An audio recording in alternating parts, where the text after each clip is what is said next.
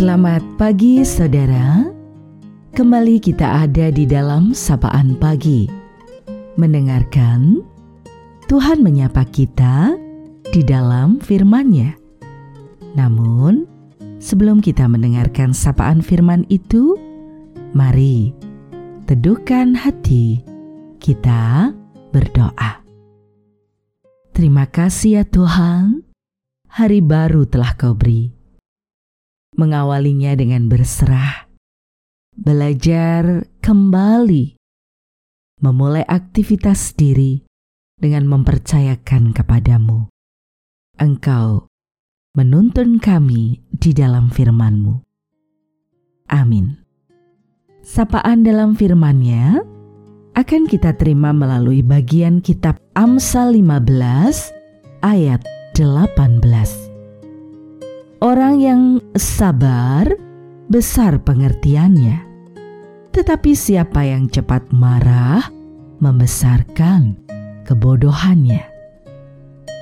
Saudara, kita akan refleksikan dalam tema menanti dengan kesabaran. Mari jalani kehidupan ini dengan penuh kesabaran karena semua peristiwa terjadi pada waktu yang telah ditentukan. Ingat, orang yang sabar besar pengertiannya, sebab mereka melihat kehidupan bukan berdasarkan peristiwanya, tetapi berdasarkan maksud dan kehendaknya. Orang yang sabar menilai segala sesuatu dengan benar. Sebab itulah cara mereka bertumbuh menjadi besar. Orang-orang yang sabar di masa penantian tidak selalu menjadi pemenang, tetapi kesabaran membuat kita bertahan tatkala yang lain telah berguguran.